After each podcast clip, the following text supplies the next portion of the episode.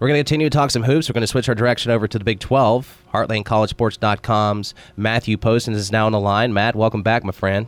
Hey, Brandon, how are you, man?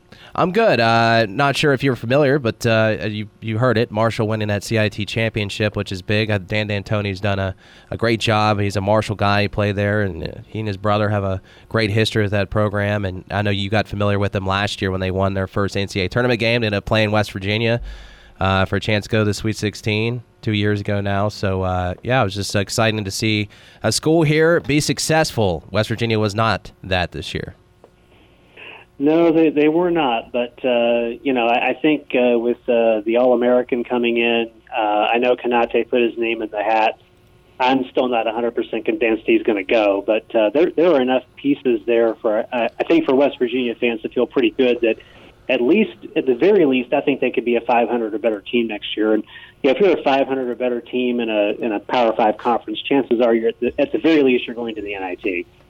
Yeah, I, I, that's what I was going to ask you as well. You know, you mentioned Sagaba Konate. His his caption on the Instagram post, I think, was just a little alarming to Mountaineer fans because last year he wasn't thanking the entire staff and the fan base and everybody uh, before he went and tested the waters. And it's we know these guys do it now. It's part of the process per NCAA rules and, and yada yada. So we're kind of like, okay, we'll watch and see. I don't think he's ready. Um, I think a lot of people could say he's not ready. Um, he sat out. He played eight games this year. So, and you know that's going to be a big question when he talks to these execs and scouts and things. That hey, how's that injury? How serious is it? You sat out. Also, you could say, uh, and look, I get it on the football side. You know, if a quarterback doesn't want to play in a bowl game because you know the, the season go and they're going to be a top you know draft pick, but you could say that they could question his leadership and his want to play for his team just because they're having a bad season. He didn't want to return. And those are all going to be questions that I think scouts and GMs are going to ask him. I think the I think one of the larger questions is you know when Bob Huggins talked to us at Big 12 Media Day in October, he mentioned that you know they gave uh, Konate a list of things that they wanted him to work on. Chief among them was becoming a better shooter away from the basket and developing a, a functional three point shot, which you know sounds kind of crazy for a six eight six foot nine guy, but you know the the NBA is now gearing itself toward being a three point or you know in the paint kind of league. So they're kind of minimizing the mid range game that players like him and Dedric Lawson have at Kansas. So you know I think one of the things that will be interesting to see when he gets his evaluation back is did he show enough in eight games that he has developed that game uh, away from the basket and has showed improvement in that regard that could play a role in whether or not he comes back for his senior year or not. Certainly. Uh, Big 12 uh, didn't have kind of the sexiness it usually does as far as, you know, uh, you know, Kansas not getting a share of the Big 12 and you know, you had Texas Tech and, and, and Kansas State sharing that title, and Kansas was kind of beat up, and, and they had guys sit out because of uh, all this stuff going on with this investigations, and um, you know, and here's Texas Tech, where we thought, I mean, you and I had a conversation. I had in my Elite Eight. I thought they were certainly as good enough to get to the Elite Eight if things happened. It's all about matches, as we know. Um, but I, because of their depth, I wasn't sure how deep they could go. I almost thought, well, maybe it's just Sweet 16, but they have played extremely well. They have played exactly how Chris Beard wants them to play. They've rode on their defense and they've rode on offense. Uh, you know, their defense leads the offense, and Jarrett, uh, you know, Jarrett Culver's been amazing as well. So um, it's just fun to see Texas Tech take the reins for the Big 12 and uh, and get there to the Final Four.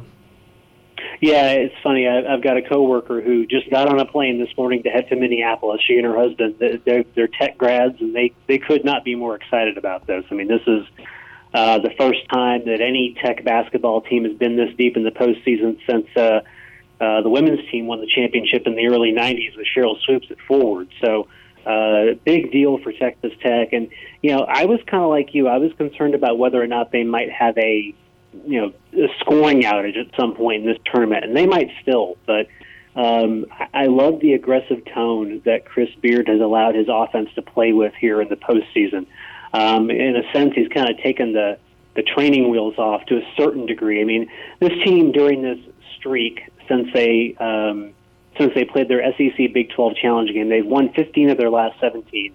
And in games where they score uh, 70 or more points, they're undefeated. So when you combine the defense that they play with, which is, you know, I think the best defense of any of the four teams in this Final Four, and we have four teams in this Final Four that play really good defense.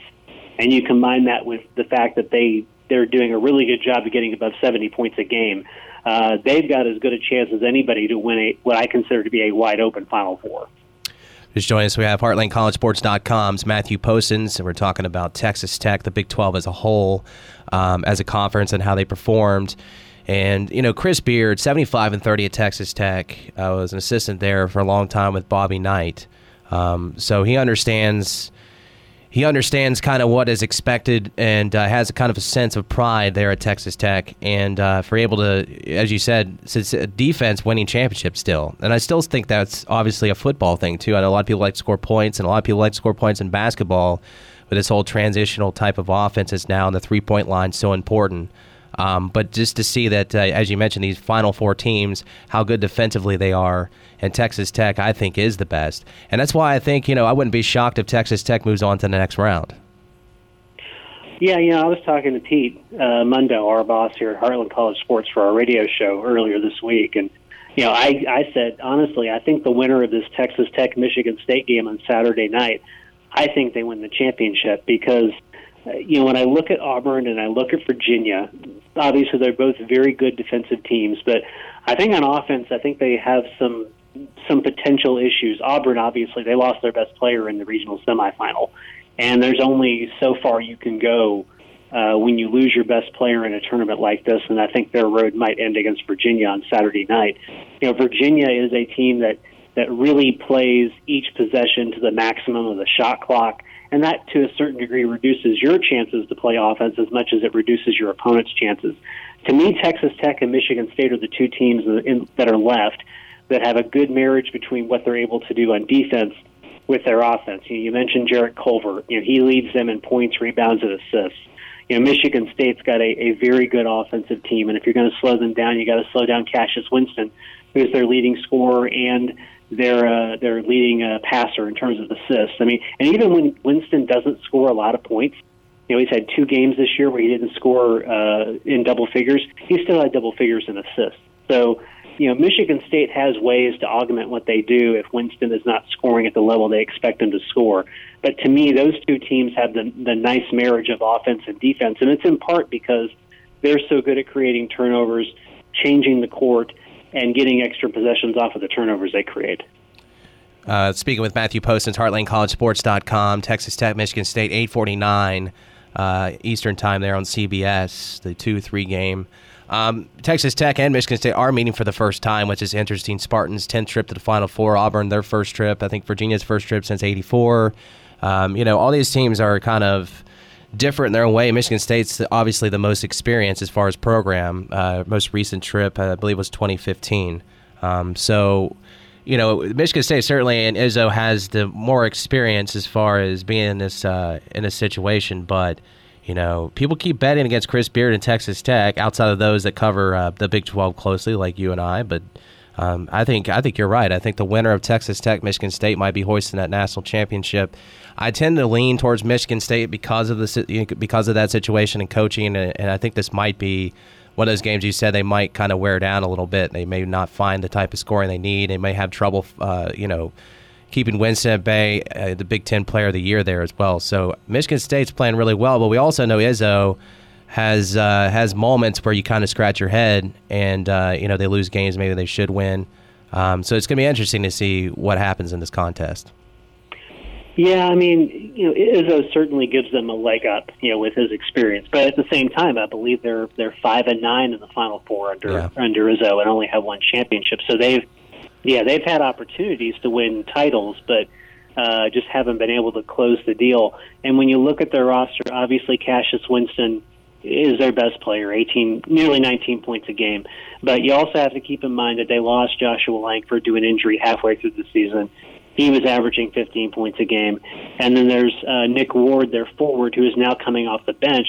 He's coming off the bench now because he suffered a hairline fracture in his leg in early May, or sorry, in early March. He missed five games he was averaging 13.2 points a game, and he hasn't quite been the same player that he was before the injury. So, you know, while Michigan State certainly has players that can can get things done for them, they're really down like one and a half of their their best players. I mean, uh, there's a there's a if you can if you can slow Winston down and dare some of these other guys like Matt McQuaid or Xavier Tillman or Kenny Goins to beat you, um, that puts you in a in a good situation to win that game. Now, Michigan State knocking off Duke, which was the uh, which ruined my bracket. A lot of people had Duke win a national championship, but if you look at Texas, yeah, mine too. yeah, if you look at Texas Tech's path to the Final Four, though, you know, beating Michigan and Gonzaga, now they could potentially beat Michigan State, and then you know Virginia and Auburn for a national championship. That's a that's a hell of a run for a team that comes in as a three seed and wasn't expected to do much, especially after losing to West Virginia so badly in the Big 12 tournament. I think a lot of people were down on Texas Tech, but to be able to go through really, really good, solid teams like that, um, you know, Michigan, Gonzaga. I mean, we've seen what they've done in the NCAA tournament the past several years, and then Michigan State has a history there, as we mentioned. So, this type of run that Tech's putting together is is pretty historic, especially for their program. Yeah, I mean, when you beat a two and a one back to back in a in the Sweet 16, then I think you've shown uh, the high quality of, of program and team that you have, and I think this is awesome for Chris Beard from a recruiting standpoint, who he already has a great recruiting class that he's sitting on right now. I think it's ranked either 12th or 13th in the country. But, you know, assuming Jarrett Culver comes out like we all think he will after the tournament and moves to the NBA because he's a presumed lottery pick, uh, that gives Chris Beard a little currency to go into the recruiting market and try and go after one of these guys that still hasn't signed on the dotted line yet in a couple of weeks.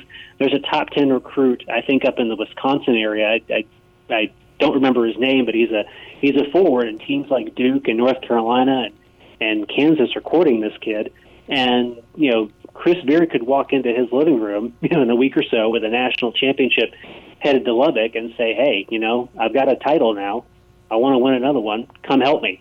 you know, come get your own ring. It's it's currency when you're a program like Texas Tech to have a run like this, to have the kind of national spotlight they've had the last three weeks, and I think it's been very eye opening for recruits and parents and other schools around the country to see the fact, see what Chris Beard has built so quickly in Lubbock. I mean, when he took over the job, the, Tubby Smith really didn't leave them a whole lot, and now they're in the Final Four three years later. That's something that make that makes recruits think about the idea.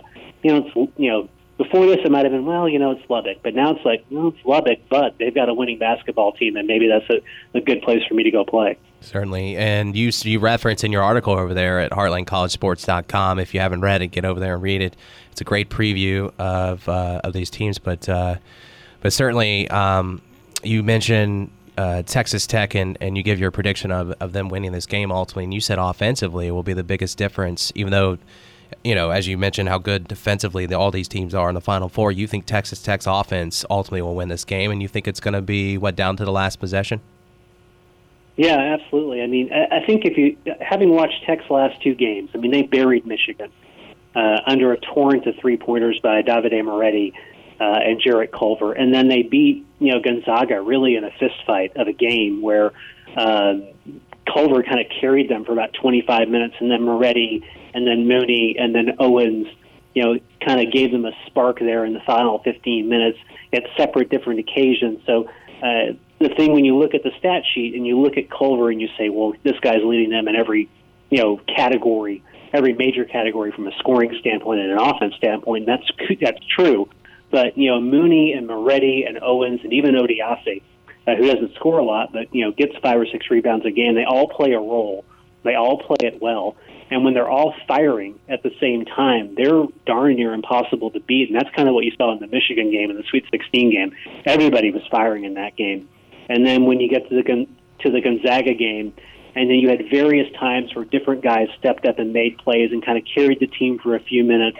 And then it was almost kind of like they handed off the baton to the next guy, and to the next guy, and to the next guy, to where Gonzaga really just could not get over the hump and put them away. So if they play offense like that, uh, the, the way they played offense in those two games, uh, which I think they're very capable of doing. And I think Michigan State's going to have a hard time beating them uh, because I don't think they have as many weapons on their team that can do that over a 40 minute period.